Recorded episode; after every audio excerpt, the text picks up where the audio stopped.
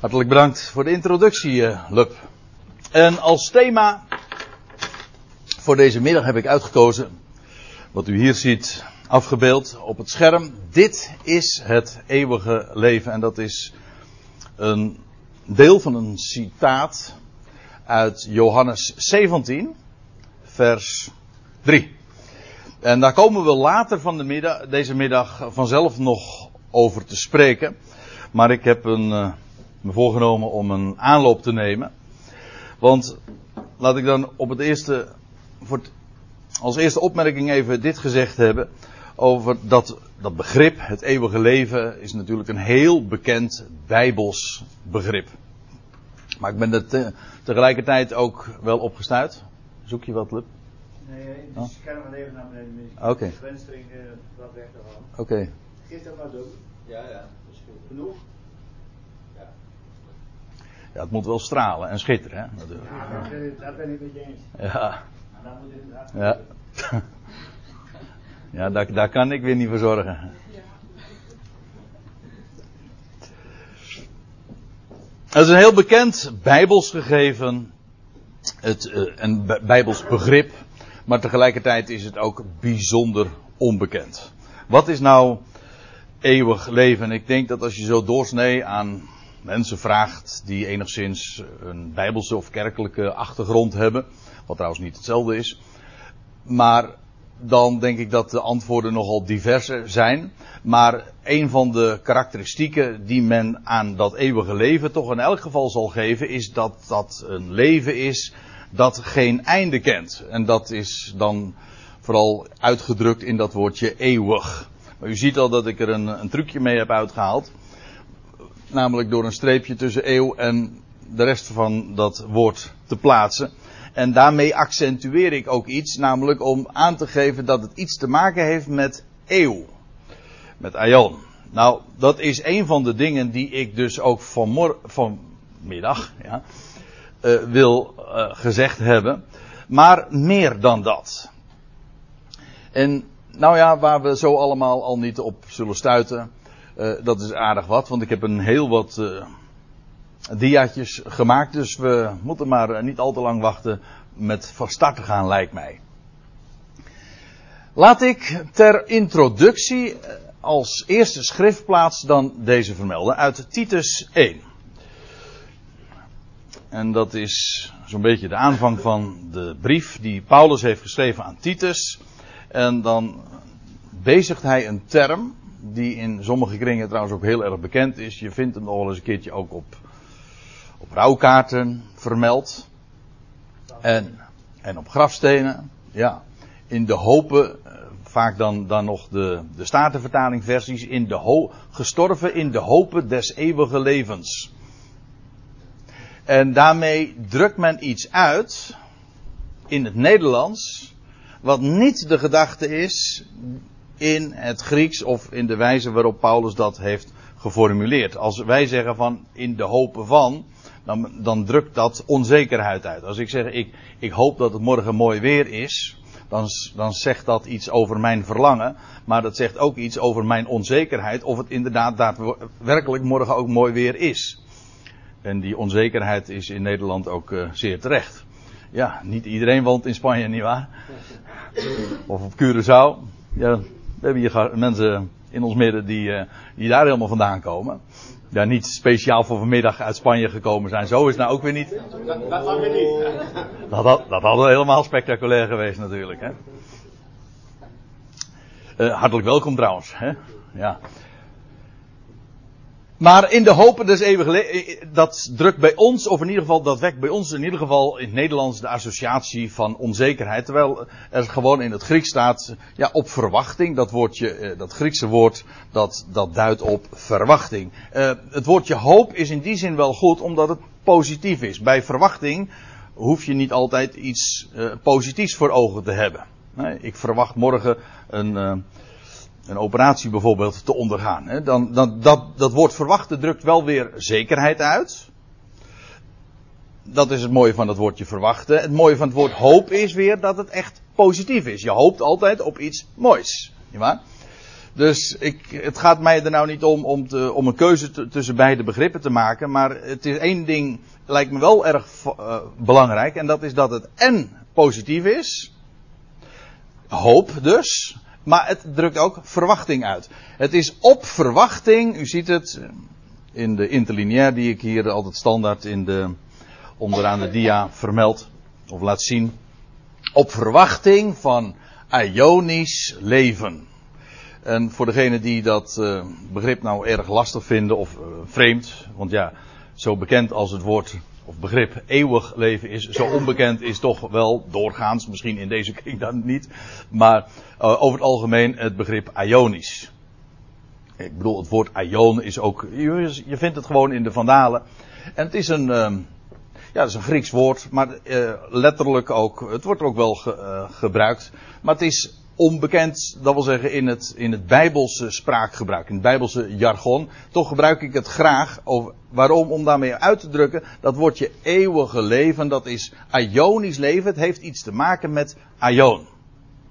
En waarom begin ik nou met, met deze tekst? Omdat dezezelfde tekst, ditzelfde vers, ook iets heel bijzonders zegt over wat dat nou inhoudt en aanduidt, dat woord ionisch. Dus er gaat, het gaat hier over ionisch leven.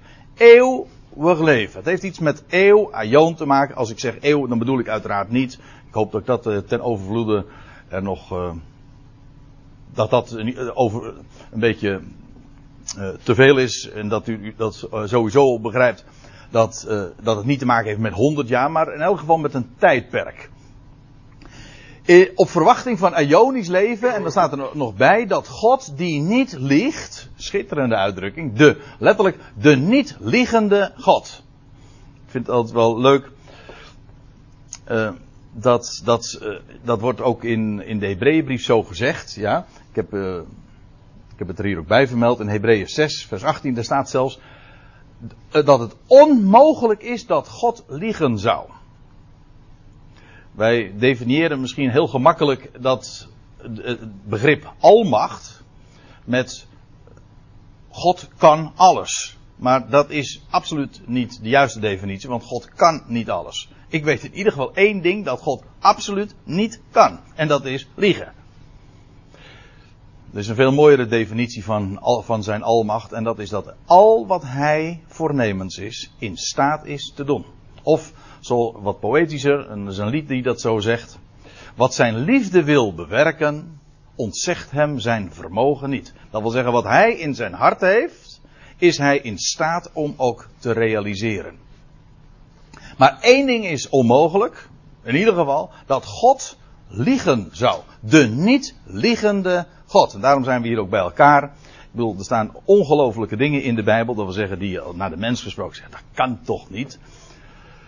Nee, maar we hebben te maken met een woord van een God, die werkelijk God is, maar die ook niet kan liegen, die de waarheid spreekt, waar je van op aan kan. Als hij iets zegt, dan kun je daar inderdaad op steunen, op verwachten. Je weet dat het gaat komen. In, in, op verwachting van Ionisch leven dat de niet liegende God voor eeuwige tijden beloofd heeft.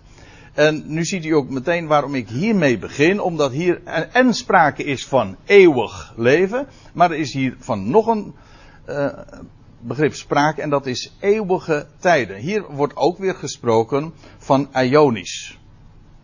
Als u een statenvertaling hebt, dan staat er de voor de tijden der eeuwen. Dat in de praktijk wellicht op hetzelfde neerkomt. Maar het punt is eventjes dat het woordje eeuwig hier dus echt een bijvoeglijk naamwoord is. Geen zelfstandig naamwoord. Het gaat niet over eeuwen, het gaat over eeuwig. Dat wil zeggen, het zijn eeuwige tijden. Kijk nog eventjes naar het, heel, het geheel. Uh, verwachting van Ionisch leven, dat drukt dus al uit uh, dat dat eeuwig leven in de toekomst ligt, want je verwacht het. Dat is één ding. Maar dat eeuwige tijden, uh, dat geeft dus aan, dat is feitelijk, hier wordt in het Grieks gesproken over Ionische tijden, en dat tijden, dat is chronon. En wij kennen dat nog wel in andere woorden als chronologie, maar chronos, dat heeft te maken met tijd. eigenaardige is dat in het traditionele kerkelijke uh, theologische spraakgebruik er altijd uh, een, een scheiding gemaakt wordt, en sterker nog, een tegenstelling gemaakt wordt tussen tijd en eeuwigheid. We hebben zelfs, ik had het zojuist over grafsteen en over rouwkaarten, maar men spreekt dan ook over het tijdelijke voor het eeuwige verwisselen. Tijd staat tegenover eeuwig in ons spraakgebruik. Maar dat hindert gigantisch om de Bijbel te verstaan. Want hier worden die twee zelfs met aan elkaar gekoppeld. En dat wordt veel vaker gedaan. Nou ja, veel vaker is overdreven. Maar deze uitdrukking, eeuwige tijden of ionische tijden. Ik gebruik dat vanmiddag gewoon uh, door elkaar. Uh, die uitdrukking die wordt uh, nog een tweetal keer exact dezelfde in de exact dezelfde vorm gebezigd. En dat is in Romeinen 16 en in 2 Timotheus 1. Ik heb de versnummers er ook even bij vermeld. En dat geeft dus aan dat die tijden ionisch zijn. Op een of andere manier. Je hebt ook jarige tijden. Dat is dan weer geen bijbelse uitdrukking. Maar ik bedoel, dat zijn tijden van jaren dus. Dat zijn, ja, ja wij zeggen dat in Nederlands niet zo. Maar ik bedoel, je kunt uh, maandelijkse tijden hebben. Je hebt jarige tijden. Ja, jarige tijden heb je ook nog. Maar ik bedoel, dit zijn ionische tijden. Dat zijn echt gigantische brokken van tijd, zeg maar. Op een veel hoger niveau, als u, als u eh, zich realiseert dat deze ion al millennia duurt, dan geeft dat toch in ieder geval wel aan dat een, een een gigantische hap van tijd is. En aan deze ion komt ook een einde. De Bijbel spreekt heel vaak over de voleinding van deze ion. Gelukkig wel, want deze ion is een boze ion. Maar dat, dat is toch wel heel bijzonder. Dat hier sprake is van eeuwige tijden. En dat, geeft, dat meervoud geeft aan dat een eeuwige tijd dus ook weer opgevolgd wordt door een nieuwe ionische, eeuwig, eh, door een nieuwe ionische of eeuwige tijd. Hm? Er zijn eeuwige tijden die elkaar opvolgen. Zoals jarige tijden of maandelijkse tijden elkaar opvolgen. Dat betekent dus dat Ionisch uh, niet tegenover tijd staat. Het is juist een kenmerk van deze tijd. Het hele idee van die, die twee die aan elkaar, eh, die met elkaar gecontrasteerd worden, is, is zo wezensvreemd aan het Bijbels denken. En het blokkeert je ook om te verstaan überhaupt iets van dat woordje ion of ionisch in de bijvoeglijke vorm dus. En aangezien dat woord zo'n grote rol speelt in de hele Bijbelse boodschap, in het hele Bijbelse vocabulaire, ja, eh, dan, dan geeft dat dus wel aan dat als je daar geen goed begrip van hebt, dat je dus ja, een totale verward idee krijgt van wat, wat, wat de betekenis daarvan is. Het blijkt trouwens dus nog iets uit want men zegt dan van eeuwig, ja dat heeft geen begin en geen einde. En hier wordt dan doodleuk gesproken over voor Ionische tijden. Zo'n begrip is een bom onder eigenlijk een, heel, ja, een hele dogmatiek die gebaseerd is op allemaal conclusies die men trekt vanuit het concept van een eindeloze eeuwigheid. Dat is gewoon geen bijbels concept. Ik zal u dit vertellen. De Ionen, let op, meervoud, het Ionische tijden hebben een begin gehad. Hoe weet ik dat? Nou, bijvoorbeeld uit deze verse, en hier Titus 1 vers 2. Daar wordt gesproken over dat God al beloofd heeft voor Ionische tijden. Voordat de tijden van de Ionen dus een aanvang hadden, had hij al gesproken en beloofd. Die hebben dus een, die eeuwige tijden hebben een begin gehad. Dit zijn trouwens niet de enige plaatsen, want ik, uh, in 1 Korinthe 2, als ik meen vers 7, wordt ook gesproken over voordat God uh, heerlijkheid voorbestemd heeft voor de Ionen. Dus het is gewoon zo klaar als een klontje in bijbels opzicht dat de Ionen een begin hebben. En bovendien, ze zijn meervoudig. Die tijden volgen elkaar op. Ionisch leven heeft te maken dus met een Ionische tijd. Ionische tijden. Nou ja, daar zullen we het nog wel over hebben. We, ik wil niet voor de fanfare uitlopen. Gewoon even stapsgewijs zien. En wat zegt de schrift daar nou over? Nou, God heeft, geeft ons verwachting van Ionisch leven. Hij liegt niet. En hij heeft dat beloofd voor Ionische tijden. Voor eeuwige tijden. Dus je, dat begrip eeuwig kun je rustig gebruiken. Maar bedenk goed. Het heeft te maken met eeuw. Of beter misschien nog. En dan heb je in ieder geval de, het idee van.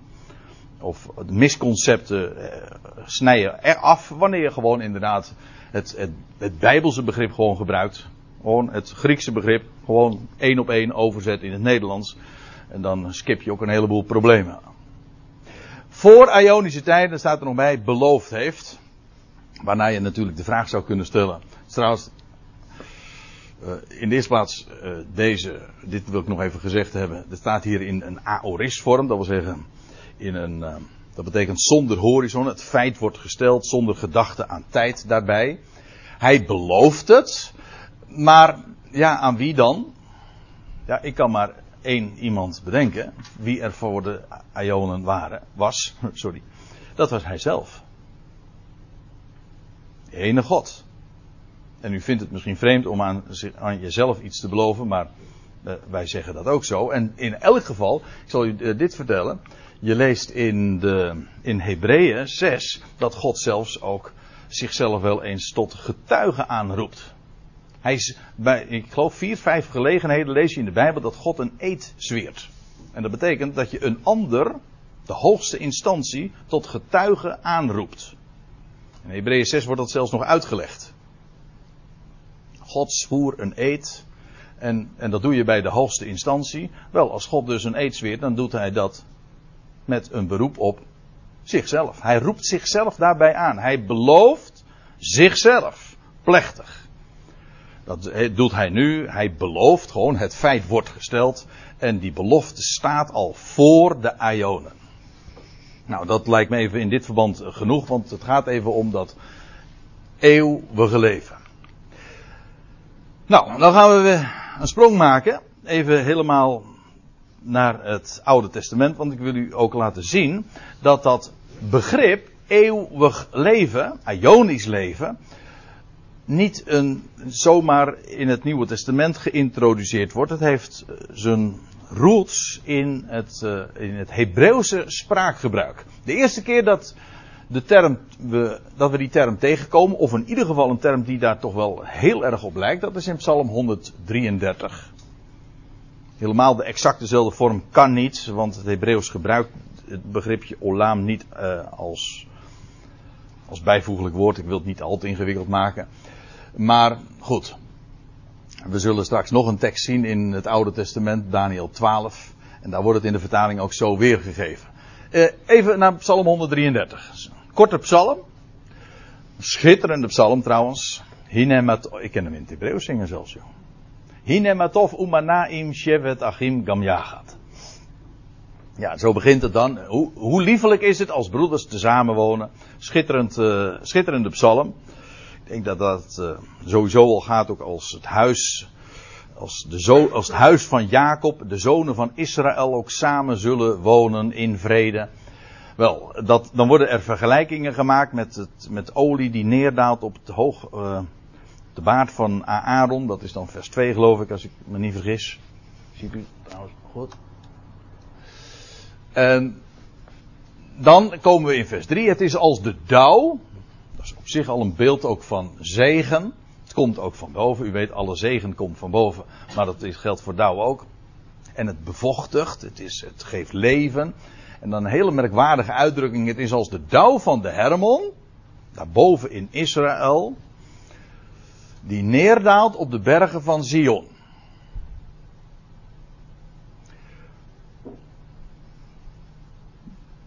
Ja, ik aarzel even of ik daar nog wat over ga zeggen van hoe dat nou kan. Maar ik denk dat heeft alles denk ik te maken met de, de beide, met het noordelijke rijk van Israël. Dus deze psalm is van Hiskia. Dat ga ik ook niet uitleggen. Maar in elk geval, uh, het, noorden, het, noordelijke rijk, de tien stammen en de twee stammen, die zullen eens als broeders tezamen wonen. En de dauw van Hermon, het noordelijke rijk van Israël, wel, die zal neerdalen op de bergen van Zion. De twee stammen. en als ik nou een beetje te snel ga, dan zeg ik van nou, uh, vergeet het dan even. Uh, het gaat me nu even om, om dit punt. Die, die dauw, die zegen van Hermon, die daalt neer op de bergen van Sion. Of het gebergte van Sion. Het staat inderdaad in meervoud. De bergen van Sion. En ik wil er alleen even op wijzen dat in het Bijbels spraakgebruik, als in Hebreeën 12 wordt dat zelfs uiteengezet, de berg Sion die staat tegenover de berg Sinai. Moet u maar eens nalezen in dat laatste gedeelte van Hebreeën 12. En dat betekent ook, daar staat Sion voor de genade. En de berg Sinai staat voor werken. Het ene heeft te maken met zegen, het andere heeft te maken met vloek. Als hier staat, uh, daar gebiedt de Heer de zegen, dat is op Sion. Ik bedoel, het is heel letterlijk hoor. Ik, ik geloof, daar twijfel ik niet aan, dat straks in de toekomende Aion God het huis van Israël weer bij elkaar zal brengen en dat de broeders daar gezamenlijk zullen wonen. En dat zal een tijdperk van vrede zijn. En dat daar in Jeruzalem, dat nu nog een stad is van oorlog en conflict, maar daar zal eens liefde heersen. Waar liefde woont, gebiedt de Heer zijn zegen. Nou, dat zal ook letterlijk profetisch waar worden. Daar gebiedt de Heer de zegen. Maar het heeft ook alles te maken met het feit, dan zal er genade heersen. Een nieuw verbond. Maar dat is, een, dat is ook een verbond van genade. Waarbij er geen eisen meer worden gesteld aan de mens. Je moet, je moet, je moet. Nee, kijk het maar naar bij het nieuwe verbond. In Jeremia 31, zeven keer er. Ik zal.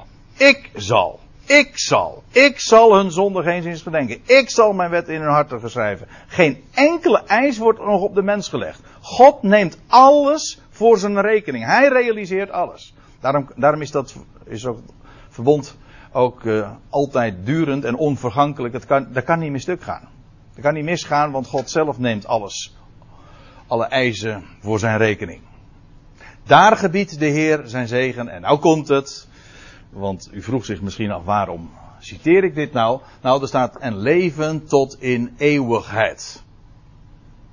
Heb je het weer, eeuwigheid, dan denk je meteen aan eindeloosheid. Maar ik zei al, vergeet dat nou, dat is nu eenmaal geen Bijbelse idee. De Bijbel spreekt over eeuwige tijden, ionische tijden. En dat is hier ook zo. Uh, daar tot leven tot in de eeuw. Ha-olam staat hier in het Hebreeuws. Nou, daar gaat het hier over. Over welke eeuw? Wel, over de toekomende. Waar, de gro waar alle Hebreeuwse profeten van hebben gesproken. God uh, wordt niet moe om te wijzen op die eeuw, die aion, die gaat komen. De komende. En dan zal er inderdaad uh, in het Midden-Oosten, niet alleen vanuit Jeruzalem, ja, vanuit Jeruzalem, maar wereldwijd zegen heersen en als de dauw van de Hermon.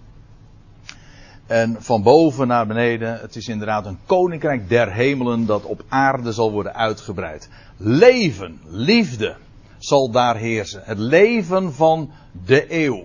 Dat is het. De Haolam, de, de Aion. Dat is die toekomende Aion. Ik ga even verder naar Daniel 12. Ja, we hebben een thematische studie vanmiddag. En dat betekent dus dat we allerlei schriftplaatsen zoveel mogelijk willen laten passeren. Als je de concordantie trouwens nagaat, waar dat woord eeuwig leven allemaal niet gebezigd wordt, ja, dan moet je daar echt een hele serie studies van maken. Als je ze allemaal uh, de revue wil laten passeren. Dat doe ik niet. Maar om enig begrip te hebben van wat dat woord, of die, die woorden betekenen, ja, dan ontkom je er niet aan gewoon de concordantie te raadplegen. Waar is in de Bijbel sprake van eeuwig leven? Wel, dat is in Psalm 103 het, 133 het geval. Eh, Daniel 12, net zo. Daar is net in het voorgaande gesproken, ook over de, de eindtijd. Die term eindtijd die komen we maar één keer tegen, of twee keer tegen in, uh, in de hele Bijbel.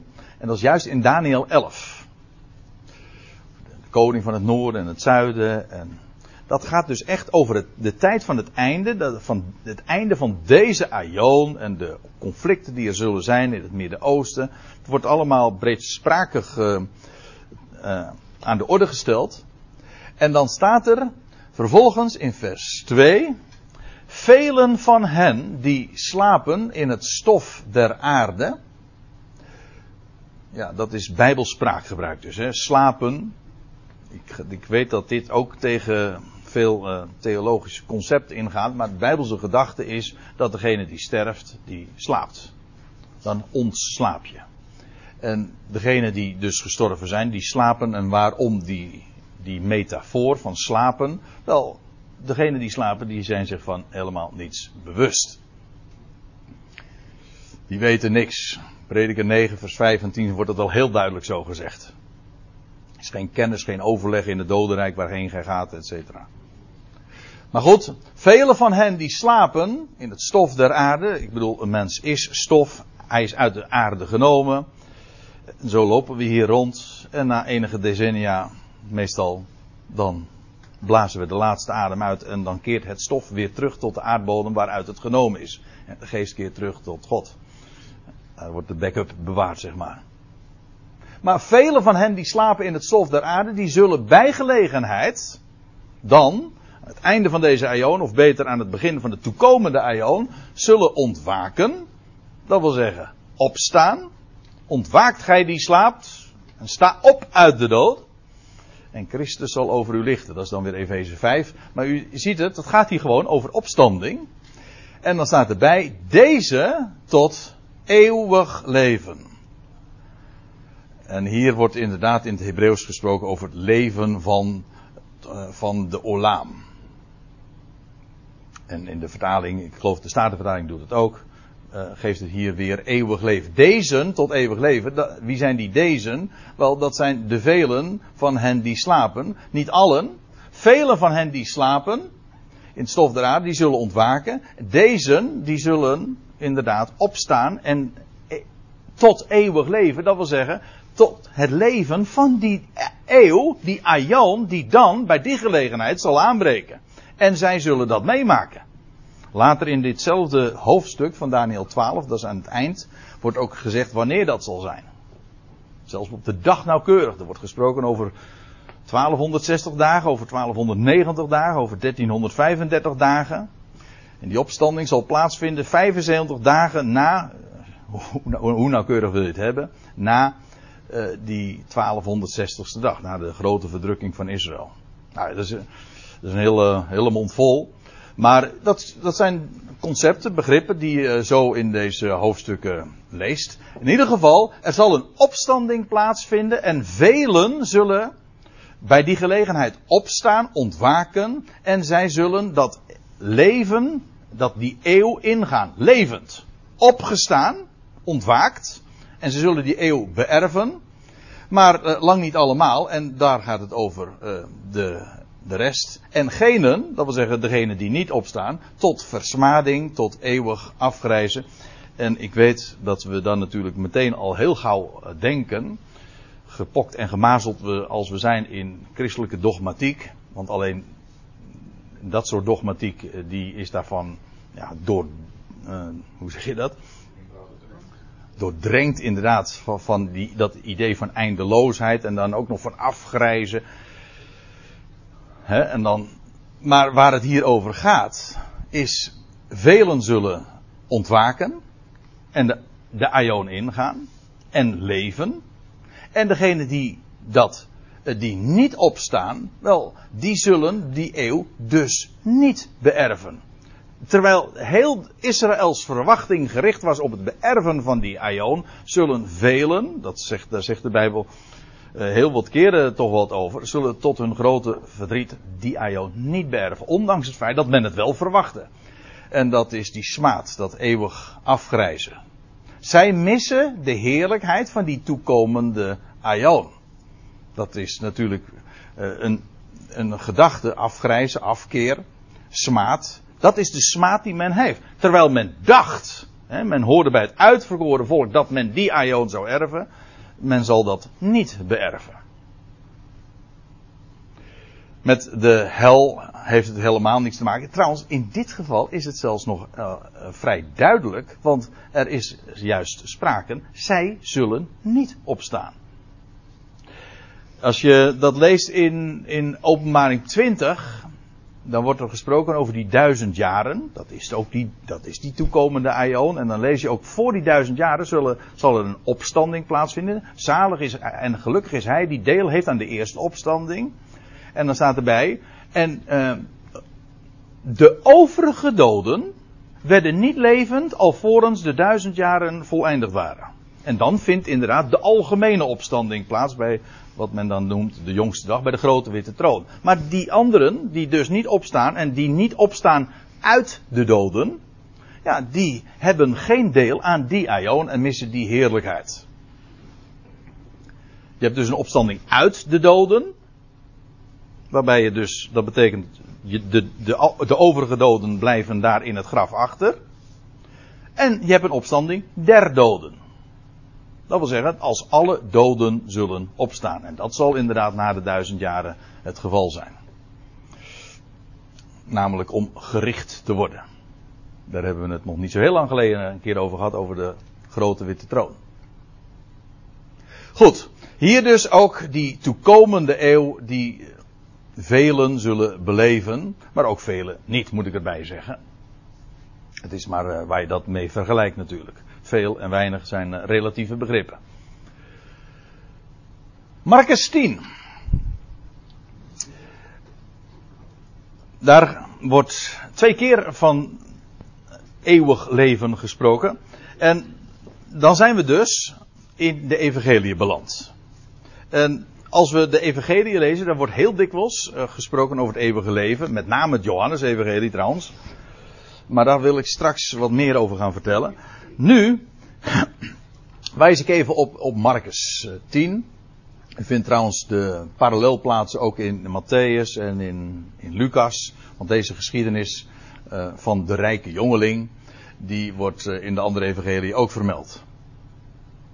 En dat, het boeiende daarvan is, is dat dat dus heel sterk aansluit op dat wat de Jood, gewoon men in Israël, verwachtte. Men verwachtte de toekomende Aion, die, dat tijdperk waar de profeten van hadden gesproken.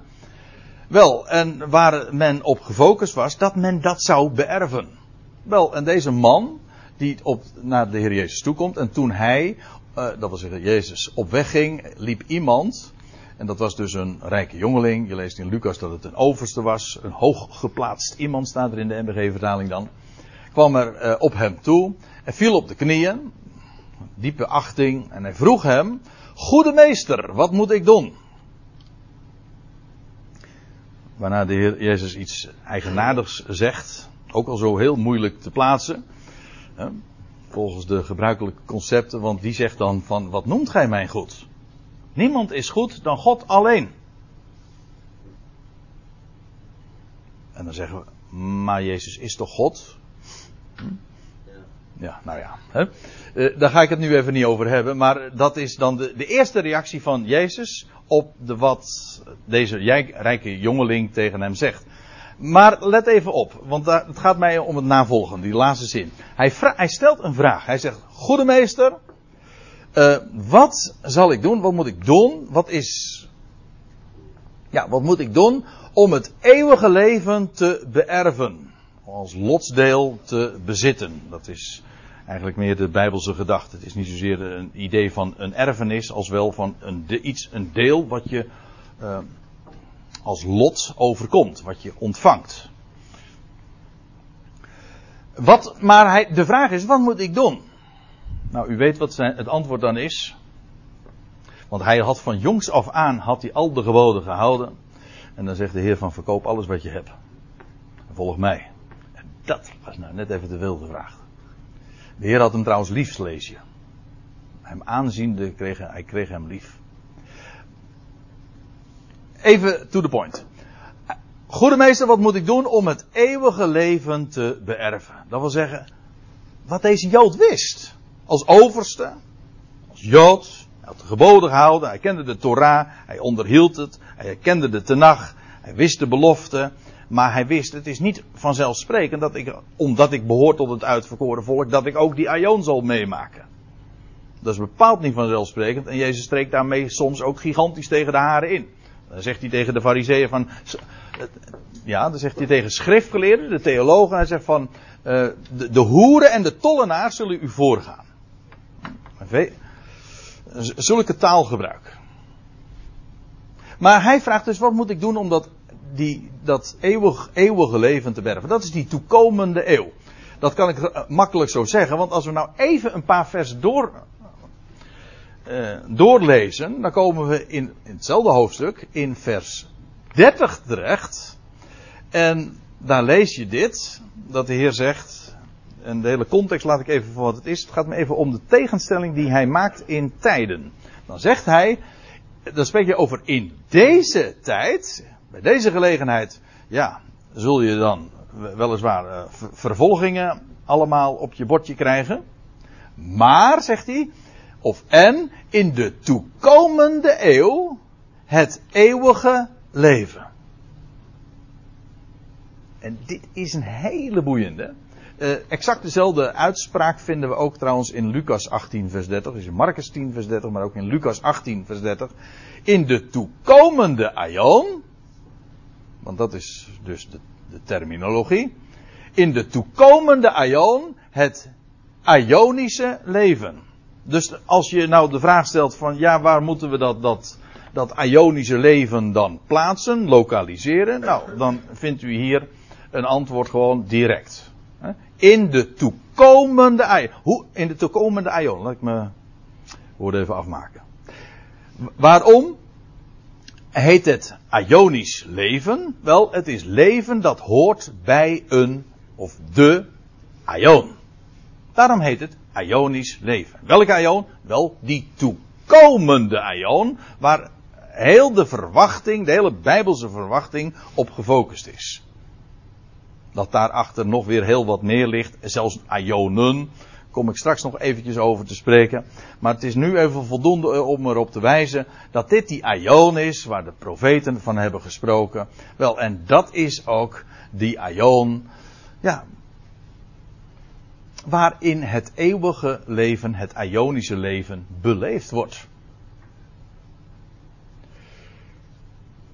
Dus hier zie je ook dat het hier uh, eigenaardig genoeg dat ook de vertalers hier niet in de verleiding zijn gekomen om hier eeuwigheid te vertalen. De toekomende eeuwigheid. Nee, ze hebben gewoon de toekomende eeuw vertaald. Maar ik moet erbij zeggen, uh, dat geldt in het algemeen. Kijk, dat woordje aion, dat wordt op dus twee verschillende manieren weergegeven, vertaald. Namelijk en met eeuw, hier, zoals hier, op vele andere plaatsen ook je nou een MBG-vertaling hebt, of een Statenvertaling, of een MBV. En men geeft het ook weer met eeuwigheid. En dan moet er toch in ieder geval op zijn minst een alarmbelletje gaan rinkelen. Want hoe kan dat? Hè? Dat één begrip uh, op zo twee totaal verschillende wijzen wordt weergegeven met eeuwigheid en met eeuw. Het ene heeft geen einde, het andere wel. En hoe kan dat? Nou, ik daag u uit als de Bijbel sprake is van eeuwigheid, vul, streep dat woordje igheid gewoon door en hou, het woordje eeuw over. En je krijgt overal een perfecte zin. Overal bedoel ik. Al die honderden keren dat sprake is van eeuwigheid of eeuwig. Het is, heeft altijd verband, houdt het verband met eeuw. Met aion. Dat is de Bijbelse gedachte.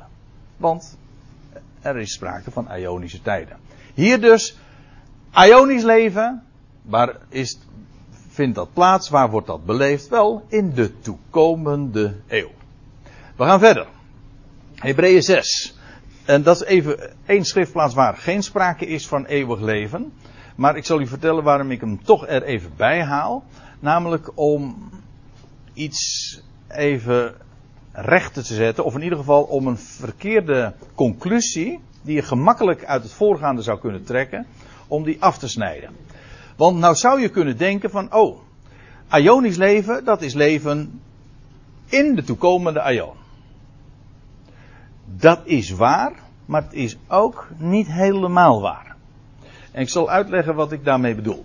In Hebreeën 6, vers 5, daar lees je over, en ook hier laat ik eventjes weer de, de context voor wat het is. Het gaat me even om die specifieke uitdrukking. Het gaat over mensen die het goede woord Gods hebben gesmaakt Ja, ik laat hier de context helemaal maar eventjes voor wat het is, want god, dat, uh, dat, is, dat is weer een verhaal apart.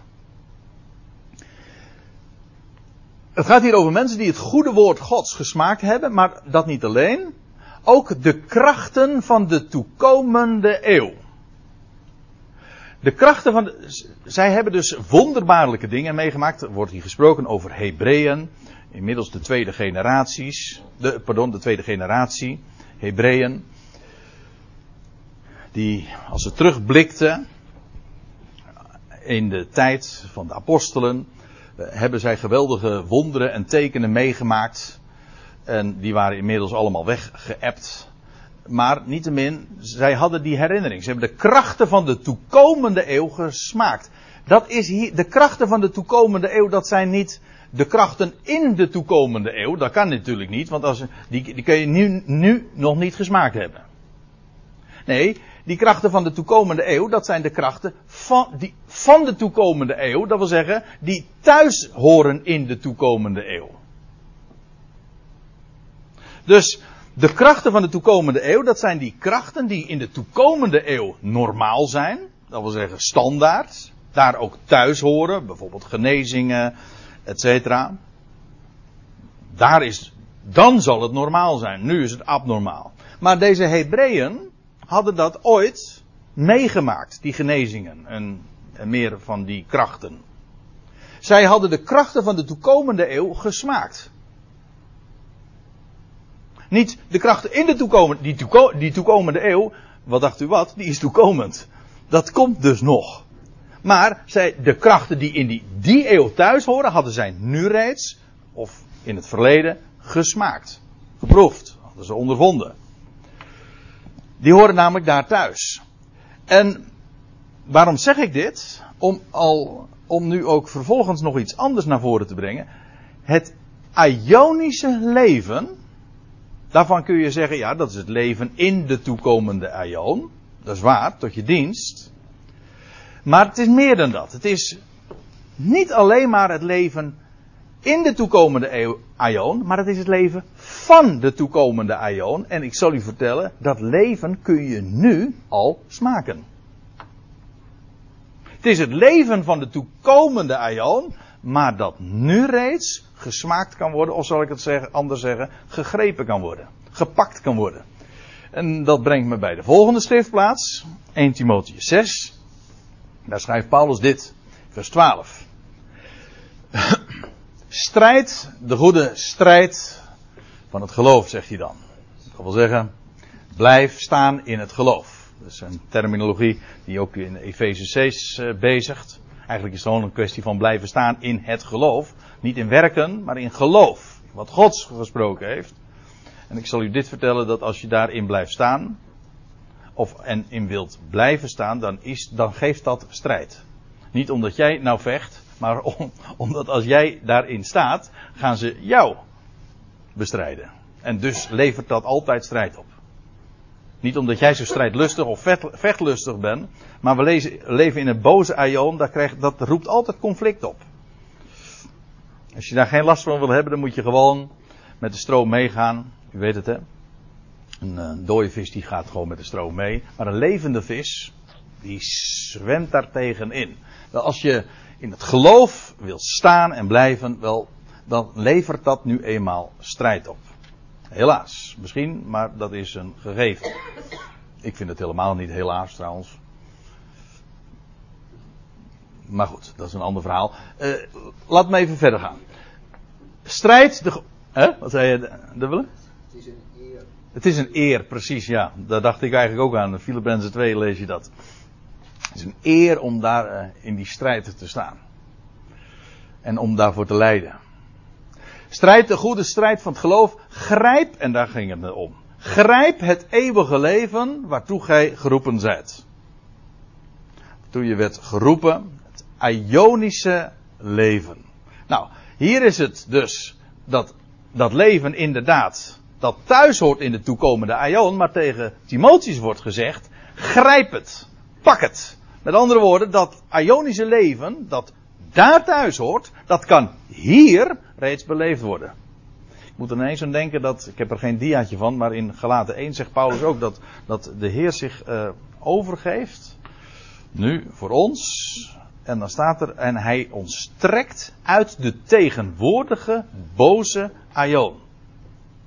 Hij trekt ons uit de tegenwoordige boze aion. En dat betekent dat hij ons iets geeft en plaatst daarmee ook in die toekomende aion, in de sfeer van. En dat is niet zo moeilijk eh, te begrijpen hoor. Als je. Eh, ja, wij leven dus eigenlijk al in. Dat wat straks wereldwijd beleefd zal worden, wel dat kennen wij nu reeds.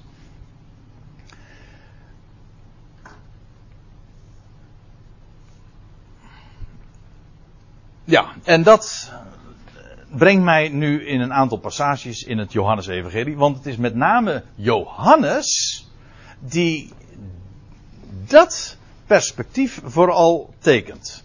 Het Ionische leven als tegenwoordig bezit. Niet uitsluitend trouwens hoor, want in het Johannes-evangelie vind je ook heel wat uh, verwijzingen naar die, naar die toekomende Ion, ook in verband met deze uitdrukking. Maar uh, juist Johannes spreekt ook over dat hebben van het, tegen, van het eeuwige leven. Van dat Ionische leven. Maar wat is dat dan? Je kunt natuurlijk zeggen, het Ionische leven, dat is het leven dat thuis hoort in de toekomende Ion. Nou, dat hebben we zojuist laten gezien. Daar is niks mis mee met die, met die omschrijving of beschrijving. Maar Johannes stapt soms ook uit een ander vaatje. En dan geeft hij ook een, en dat is met name hier in dit, deze schriftplaats het geval, een, een kwalitatief keurmerk. Als ik het zo mag zeggen. Hij zegt in Johannes 17 dit. Dit nu is het eeuwige leven. Nou, dat is uh, de titel van deze studie. Dus daar zijn we nu eindelijk dan aangekomen. Wat is het eeuwige leven? Dus als je nou de vraag stelt van wat is nou het eeuwige leven? En je wil gewoon op veilige bijbelse bodem staan. Nou, dan kom je niet om Johannes 17 vers 3 heen. Daar staat het gewoon. Heel klip en klaar. Dit nu is het eeuwige leven.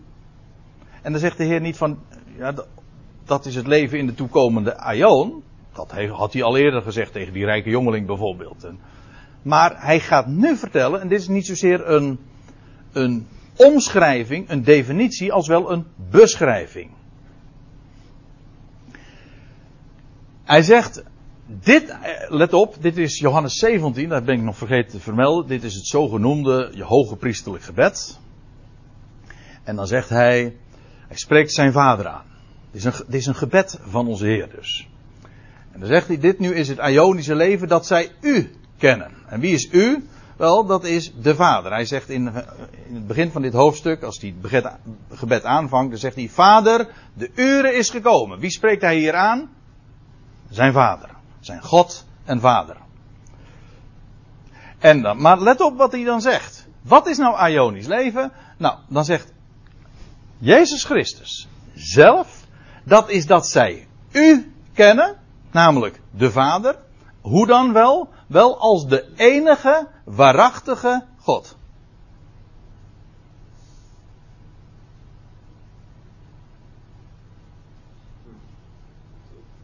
Ja, ik hou even stil. Want uh, hier blijkt toch één ding in elk geval heel duidelijk. Dat er, weet u, weet u wat ik denk? Dat er maar één waarachtige God is. En weet u wat ik ook denk? Dat is de Vader. Waarom denk ik dat? Nou, dat staat hier gewoon zo. De Heer zegt heel plechtig in het gebed. En men denkt de zoon van God eer aan te doen.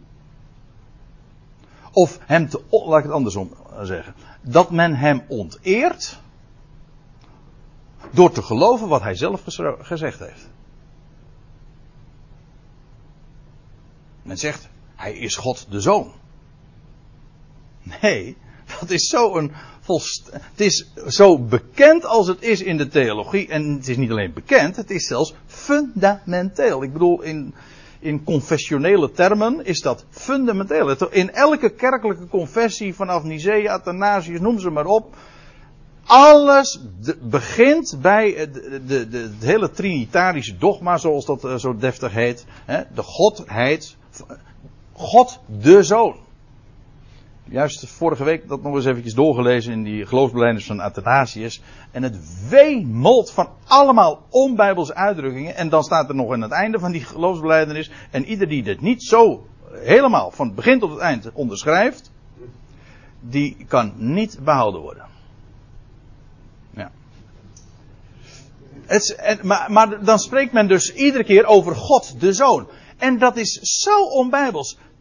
God de Zoon. Hier is notabene de Zoon van God zelf aan het woord. Let op, de Zoon van God. En wat zegt de Zoon van God? Hij spreekt zijn vader aan. Hij zegt, u bent de enige waarachtige God. Dat is Ionisch leven. En nou vraag ik nog eens een keer, hoe bekend is Ionisch leven?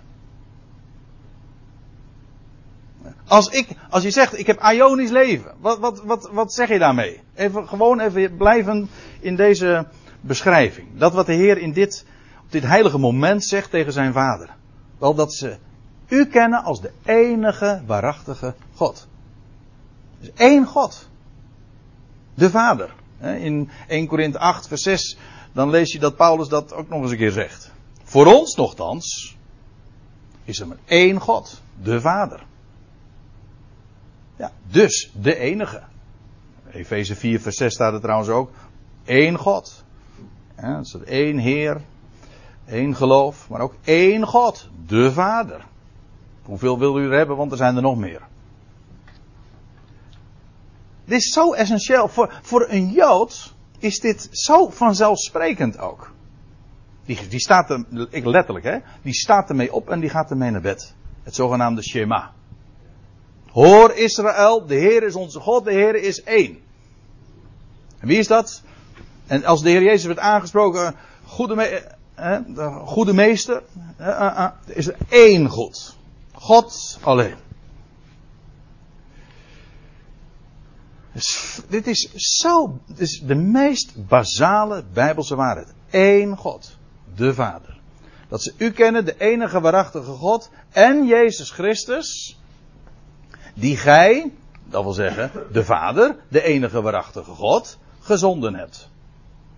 En weet u, waarom wordt dit dan het Ionische leven genoemd? Dat eeuwige leven? Wel, het is niet zo moeilijk.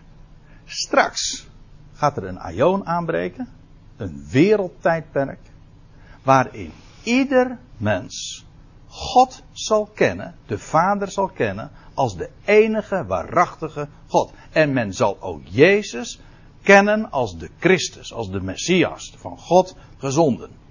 Nu is het uitzonderlijk, als je het kent, en mag beleven en erkent, straks zal dat gewoon. De Bijbel zegt, ergens in Jezaja, dat de aarde vol zal zijn van de kennis des Heren, de kennis van Yahweh, zoals de wateren de zeebodem bedekken. Zo vol. Nu is, hè? Dat zou wel lekker. Zo. ja, maar dan moet je je voorstellen. Nu is kennis van de enige waarachtige God zo sporadisch. En zelfs, laten we even.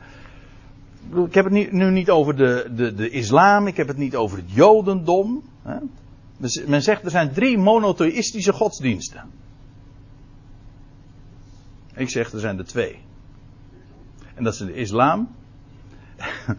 Eh, ik geef toe dat het provocerend klinkt. En dat is de islam en het jodendom. Die zijn monotheïstisch. Die zijn monotheïstisch. Die hebben één God. Heel uitdrukkelijk. En die zeggen van het christendom, dat is polytheïsme. Ja, verkapt.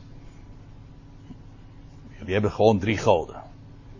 Kunnen ze kunnen dat, niemand kan dat ook uitleggen. En, en omdat ze het niet kunnen uitleggen, zeggen we, hebben we er een mysterie van gemaakt. Hè? In werkelijkheid hebben we gewoon het allemaal, eh, hangt het in de mist. We hebben zelf een, een, een mist, ik bedoel ook van, van woorden, brei, gecreëerd. En iedereen wordt daar letterlijk door beneveld. En, en, en zelfs de paus in Rome, die toch theologisch zeer goed onderbouwd is, die, eh, als die eh, een minuut hierover spreekt, vervalt al eh, in kerkelijke termen zelfs. hoorde ik ooit eens een keertje Karl Rahner, dat is een bekende rooms-katholiek theoloog, zeggen, of in ieder geval ik las het van hem. Hij zegt, zelfs als de paus in Rome een minuut over de, de, deze doctrine gaat praten van de drie eenheid, dan is hij al in de ketterij vervallen. Omdat geen hond het begrijpt en op het moment dat je je erover uit gaat wijden, dan ben je alweer in, ben je al uitgegleden. Het is gewoon pure mist. Geen mysterie, mist. Nevel. Maar, en dan zeggen de inderdaad die andere monotheïsten, jullie zijn polytheïsten, jullie zijn verkapte polytheïsten en ze hebben gelijk. Eén God. Dat is de Vader van onze Heer Jezus Christus. En hij heeft zijn zoon uit de doden opgewekt. Ja. Zachariah 14, vers 9, daar lees je. Te dien dagen zal de Heere de enige zijn. En zijn naam de enige. Te dien dagen. Dat is die toekomende aion. Daar gaat het, lees het maar na in Zachariah 14. Het gaat over die, dat tijdperk waarin alle volkeren ook uh, uh, geregeerd zullen worden vanuit Jeruzalem. En te dien dagen zal de Heer de enige zijn. Dat is dat Ionische leven, dat ze de enige waarachtige God zullen kennen. Dan is aan, het polytheïsme, inclusief het christelijke polytheïsme, is dan radicaal een einde gekomen. En dan zal de enige waarachtige God gekend worden en beleden worden. En Jezus, zijn zoon, de Christus, de Messias. Ik zie dat ik op moet schieten. Maar goed, uh, ik. Huh? 1 Johannes 1. Ja, precies, we gaan door. 1 Johannes 1. Nou, dan beginnen, we, dan beginnen we meteen bij het eerste vers van, het hoofd, van de brief. Dan zaad, zegt Johannes, het geen was van den beginnen. Dit doet heel erg denken aan, aan zijn evangelie, beschrijving. Want in Johannes 1, vers 1, dan lees je in de beginnen, wat was er toen? Het woord. Alle dingen zijn geworden, maar het woord was er. En ik weet, ook hier wordt, eh, zegt men dan van, ja, dat is een persoon. Het gaat hier over woord. God sprak en het was er. In het begin was het woord. En alle dingen zijn door het woord geworden. Nou, hetgeen was van de beginnen. En zegt hij dan, hetgeen wij gehoord hebben. Dat is vrij logisch, want dat is gebruikelijk als je een woord hoor je. Maar uh, dat niet alleen. Hetgeen wij gezien hebben met onze eigen ogen. Hey, wat is er met dat woord gebeurd? Nou, kan u verklappen, het is vlees geworden. Dat is Johannes 1 vers 14. Het woord is vlees geworden. Het woord werd vlees, staat er letterlijk. En daarom staat er ook, hetgeen wij gehoord hebben, hetgeen we gezien hebben, met onze eigen ogen. Ik bedoel, Johannes treedt hier op als, als een ooggetuige. Ik bedoel, dat kunnen wij niet naspreken. Dat hebben wij, wij hebben het van horen zeggen. Wij hebben het vernomen in de schrift. En daar, daarom heeft hij het ook opgetekend, geboekstaafd. Maar hij heeft het met eigen ogen gezien. Hetgeen wij aanschouwd hebben, onze handen getast hebben. En hier doelt het vooral ook al op de opgestane Heer. Dat blijkt ook wel, want dan zegt hij van het woord des levens. Levend woord. Het gaat hier uiteraard over de opgestane Heer. En hoe vaak, of ja, hoe lees je dat niet? Dat zij hem hebben gezien. Inderdaad, met eigen ogen. Het grote feit is de bericht van hem die de dood heeft overwonnen. Dat is het woord van leven. En de Heer Jezus in zijn bediening op aarde, dat juist in het Johannes-evangelie wordt het ook heel sterk benadrukt. Lees je uh, dat hij daarover gesproken heeft. En en op een gegeven ogenblik dan gaat een hele meute van mensen vertrekt. En dan zegt de Heer Jezus tegen zijn discipelen van, wilt gij ook, willen jullie ook niet weggaan? En dan zegt Petrus, tot wie zouden we heen gaan? Want u hebt woorden van Ionisch leven. Hij sprak daar al over. Maar hij, en hij zegt in datzelfde evangelie ook, ik ben de opstanding en het leven. Het opstandingsleven. Dat demonstreerde hij bij toen bij het graf van Lazarus, maar uiteindelijk hij is zelf opgestaan. Hij is zelf dat levende woord geworden. Wat ze getast hebben met hun handen. Vraag het maar aan Thomas. En dan staat er, dus dan krijgen we een tussenzin. En nou, nou komt het er eh, eventjes op aan. Want daarom verwijs ik naar eh, dit gedeelte. Het leven toch, zegt Johannes, is geopenbaard We hebben gezien, getuigen. Hier zie je weer, dat, dat is een heel juridisch begrip. Hij is een ooggetuig, hij heeft, heeft gezien, gehoord en daarom kan hij ook daarvan getuigen. Al zodanig ook optreden. En hij zegt, wij verkondigen u, wij berichten aan jullie het eeuwige leven dat bij de Vader was en aan ons geopenbaard is. Kijk, en hier komen we toch op een wat ander aspect. Want als je natuurlijk alleen maar zou zeggen van ja, dat Ionische leven, dat is het leven in de toekomende Ion. Maar dan met zo'n definitie loop je stuk. Of loop je spaak. Want hier wordt gesproken over dat Ionische leven dat bij de Vader was, verleden, en ons nu geopenbaard is. Maar het idee is dat het leven van die toekomende Aion, niet het leven in de toekomende Aion, maar het leven van die toekomende Aion, dat is onvergankelijk leven. Degenen die daar voorafgaand zijn opgestaan, die hebben onvergankelijk leven ontvangen. En onvergankelijk leven, onsterfelijk leven, wel dat is het leven dat alleen God heeft. De enige uh, die werkelijk, en daarom ook de levende God heet, en die werkelijk levend is, dat is de Vader. En hij heeft dat leven, dat is geopenbaard. En dat is nu geopenbaard inderdaad in de opstanding van Christus. En in de opstanding van Christus zien we eeuwig leven geopenbaard. Het leven dat al eerder, dat als, ja, al eerder het bezit was van, van God zelf. Dat is vooral het oogpunt ook van Johannes. Hij is het, de Heer Jezus Christus zelf, is dat eeuwige leven. Het leven van de opstanding. Bladeren we weer even door. En Johannes 5. Dan zegt Johannes dit. En dit is het getuigenis. De getuigenverklaring. Heb je weer dat, dat, dat die hele juridische formulering. Dit is de getuigenverklaring. God heeft ons Ionisch leven gegeven. En waar is dat dan wel? Dat leven is in zijn zoon. Is, tegenwoordige tijd. En dat wil zeggen, in de opgewekte. Hij die nu de opgestaan is. De levende. Dat leven hoort weliswaar thuis in de toekomende aion, dat opstandingsleven. Maar wij kennen daar al als de eerste portie van. De eersteling namelijk. Hij heeft dat leven in deze aion geopenbaard. Dus dat Ionische leven, dat is daarmee ook opstandingsleven. En Johannes zegt dan vervolgens in vers 12, dat zijn typische Johannes formuleringen, heel zwart-wit, licht, duister, leven, dood, liefde, haat. Wie de zoon heeft, het is Johannese logica. Wie de zoon heeft, heeft het leven. Ja, want hij is namelijk het leven. Het opstandingsleven. Leven dat de dood achter zich heeft. Wie de zoon heeft, heeft daarmee dus het leven.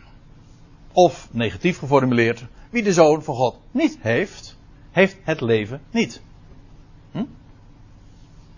Wij zijn allemaal stervelingen. En voor zover wij leven hebben, is dat omdat we de zoon hebben. Namelijk degene die onvergankelijk leven aan het licht bracht. En daarin is het leven. En als, het leven, als je hem niet hebt, dan heb je het leven dus niet. En Johannes zegt er dan nog bij: Dit heb ik u geschreven. Gelukkig wel. Want hij was een ooggetuige. Hij, was, hij heeft als een getuige verklaard. Maar hij heeft opgetekend. Zodat wij nu 2000 jaar later. daar kennis van kunnen nemen. Van deze, van deze levende, geïnspireerde woorden.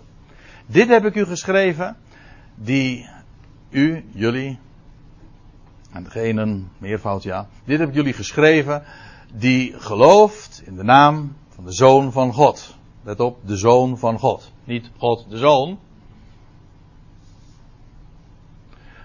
Tientallen keren in de Bijbel lezen we over God de Vader. En hoeveel keer over God de Zoon? Nooit. Waarom niet? Omdat er maar één God is, de Vader. En daarom is de zoon niet God de zoon, maar de zoon van God. Is dit logisch of niet? Een kind kan dit begrijpen. wij geloven in de naam van de Zoon van God. Ja, en dan, waarom heeft Johannes dit geschreven? Aan degenen die geloven in de naam van de Zoon van God. Opdat gij weet, opdat jullie weten, opdat jullie zouden weten, dat gij eeuwig leven hebt. Dit is de reden waarom hij dit aan zijn lezers bekend maakt. Opdat jullie weten dat je eeuwig leven hebt. Het is trouwens heel mooi als je dit vergelijkt met het, met het oogmerk van het Johannes-evangelie. Want als we dan in Johannes 20, vers 31 lezen, daar motiveert Johannes waarom hij zijn evangelie heeft opgetekend, geboekstaafd. Dan zegt hij dit. Moet eens opletten het verschil. Dan zegt hij dit. Uh, maar deze dingen zijn geschreven opdat gij gelooft dat Jezus is de Christus, de Zoon van God. Dus dat is de reden waarom hij zijn evangelie heeft opgetekend. En opdat gij, gelovende, het leven hebt in zijn naam. Maar hij schreef het op opdat ze zouden geloven. Jezus is de Zoon van God. En, aangezien hij de opgestane is, daarmee ook het leven zouden hebben in zijn naam. Zijn brief heeft hij om een andere reden geschreven. Zijn brief heeft hij geschreven aan degenen die, die reeds geloven in de naam van de Zoon van God. En, wat is dan zijn motief? Wel, opdat jullie weten dat gij eeuwig leven hebt. En wat dat dus betekent. Ionisch leven. Leven dat thuis hoort in die toekomende Ion, maar dat hier wel degelijk geopenbaard is in de Zoon die opgestaan is uit de doden. Ja, nou dan zijn we zo ongeveer al uh, aan het eind gekomen, maar niet nadat ik nog even een uh, vraag nog uh, graag even wil beantwoorden. Want ik heb die ooit wel voor mijn voeten geworpen gekregen. Als je deze dingen uiteenzet over dat Ionische leven. Toen kreeg ik deze vraag, dat is een strikvraag. Komt aan het Ionische leven een eind? Want dat is wat ze dan, wat ik wel uh, gehoord heb. Bijvoorbeeld, nou laat ik het even persoonlijk zeggen. Die André Piet, daar moet je voor uitkijken. Want uiteindelijk hij berooft je van het eeuwige leven. Want aan dat eeuwige leven komt weer een eind volgens hem. Nou, dan ben je helemaal mooi eh, in de aap gelogeerd. Hè? Dacht, je, dacht je onvergankelijk leven te hebben, dat je nooit meer kwijt kan raken. En dan krijg je nu van iemand te horen. Die zegt dat het eeuwige leven dan toch weer voorbij gaat. Ja, het is een strikvraag. Weet u waarom? Is het waar of niet? Ja, ik zou, ik zou even een poll kunnen doen hier. Wie zegt uh, aan het eeuwige leven komt een eind? En wie zegt er komt geen eind aan? Nou, de rest dus. Of, nou nee, de rest, er komt geen eind aan. Ja, nou ik zeg het is een strikvraag. Waarom? Omdat de Bijbel leert dat aan de eeuwen een eind komt. Aan het leven niet. Ja, want, nou, laat ik lezen 1 Korinthe 15. Hij moet als, hij gaat het over Christus. Hij moet als koning heersen. Hm? Hij is de koning der koningen. Straks gaat deze boze Aion uh, beëindigd worden. En dat betekent dat hij koning gaat worden. Niet alleen trouwens over de toekomende Aion, maar ook over de komende Aionen. Let wel, zo staat het op meerdere plaatsen in de Bijbel. Hij zal heersen tot in de Aionen. Hij moet als koning heersen, maar het heeft een totdat. Er staat bij, totdat hij al zijn vijanden onder zijn voeten gelegd heeft. Wat trouwens ook alweer een heel aardige is. Want dat betekent dus dat aan de, dat ondanks het feit dat de schrift zegt dat hij moet heersen tot in alle, volgens de vertalingen dan, tot in alle eeuwigheid of tot in alle eeuwigheden, zegt de Bijbel doodleuk ook, hij moet heersen tot dat. Daar kom je never nooit uit met de gebruikelijke definities van eeuwig en eeuwige leven, etc. En het wordt zo klaar als een klontje op het moment dat je Bijbels licht erop laat schijnen, Bijbelse definities volgt. En dan is het, hij heerst tot in de Ionen. Maar aangezien die Ionen voltooid worden, komt aan zijn heerschappij ook een eind. Hij moet namelijk heersen totdat hij al zijn vijanden onder zijn voeten gelegd heeft. Ja, ik laat dat schemaatje zo nog even zien. De laatste vijand die ontroond wordt, is de dood. Hij moet heersen tot in de Ionen. Aan de Ionen komt een eind. En wat gebeurt er dan aan het einde van die Ionen? Komt er dan een einde aan het leven? Nee, het is omgekeerd, er komt een einde aan de dood. De dood wordt dan teniet gedaan. Kijk, je krijgt dan dit verhaal. Eventjes in schema. Het is uh, wat provisorisch, ziet het er allemaal uit. Maar het gaat me over om duidelijk te maken. Hier zitten we nu. Dat is deze Aion, vandaar ook grijs. Hè? Nou ja, ik had hem ook zwart kunnen maken natuurlijk. Hè? Ja, ja maar. ja, deze boze Aion. Wel, deze boze Aion wordt beëindigd. Dit heet dan het einde der Aion. In de Bijbel heel vaak de voleinding der eeuw. Dan, breken, dan breekt de toekomende eeuw aan, of zo wil de toekomende eeuwen. Ik heb hier tussen een stoeltje geplaatst en dat is een oneerbiedige symbool voor de grote witte troon. Want dat is namelijk de. Na... wind zou wegvallen. ja, nee, er is inderdaad nog wel wat aan te merken op dit schemaatje. Hè?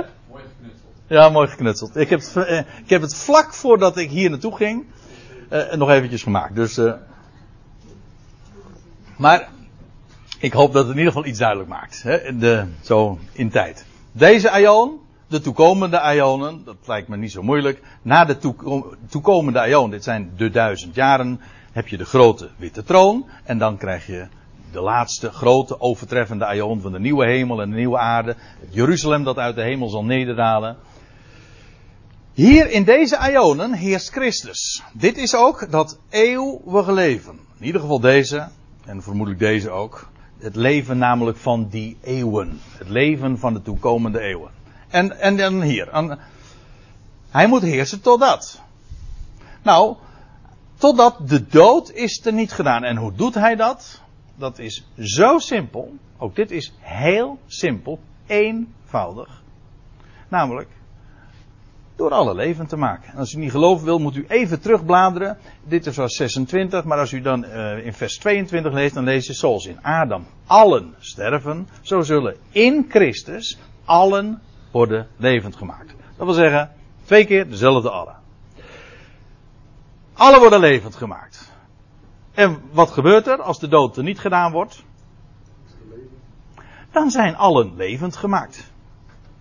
Dan is er dus geen want hoe wordt de dood er niet gedaan? Ik kan het ook anders zeggen. Hoe wordt de dood er niet gedaan? Door allen levend te maken, dan is er geen dood meer. Dan zijn allen die in, nu in Adam stervende zijn, al die miljarden mensen. Ik bedoel, we zijn, wij die hem mogen kennen, zijn nu eerstelingen. Wij hebben de zoon nu reeds. Maar er komt een moment aan het einde van de Ionen. Dat betekent dus ook dat velen deze Ionen niet zullen meemaken. Die hebben dus niet dat eeuwige leven. Krijgen ze dan niet het leven? Ja, wel natuurlijk, want in, in Christus zullen allen worden levend gemaakt, maar dat is pas bij de, de, het laatste station, zeg maar. Als de dood wordt er niet gedaan, dat is de laatste regeringsdaad van Christus, dan zal hij allen levend maken. En weet u, dan is alles volmaakt. Vandaar ook dat hij dan niet meer hoeft te heersen. Dan is alles onderworpen. En een volmaakt koninkrijk geeft hij over aan zijn God en Vader. En dan staat erbij. Dan wordt God alles in allen. Die ene God. Dan is ook de zoon zelf teruggetreden. Dan zijn alle levend gemaakt. Dus, Samengevat, het eeuwige leven wat we vanmiddag hebben gezien. Het is het leven in de toekomende Aion. Het is ook het leven van de toekomende Aion, namelijk het kennen van de enige waarachtige God. En Jezus, de Messias. Het is het leven van de opstanding. Het is het leven dat er is in de opgewekte Christus. En, last but not least, in, dat is vrij dubbelzinnig als ik het zo zeg bij het voorbijgaan van de Ionen, van de eeuwen, wordt de dood teniet gedaan. Dus maak u zich geen zorgen dat het eeuwige leven, zegt, goh, dat wordt beëindigd. Aan het einde van de eeuwen wordt niet, gaat, komt er geen einde aan het leven, maar komt er een einde aan de dood. Eens, voor altijd en universeel, allen zullen leven. Alleen zo kan God worden alles in allen.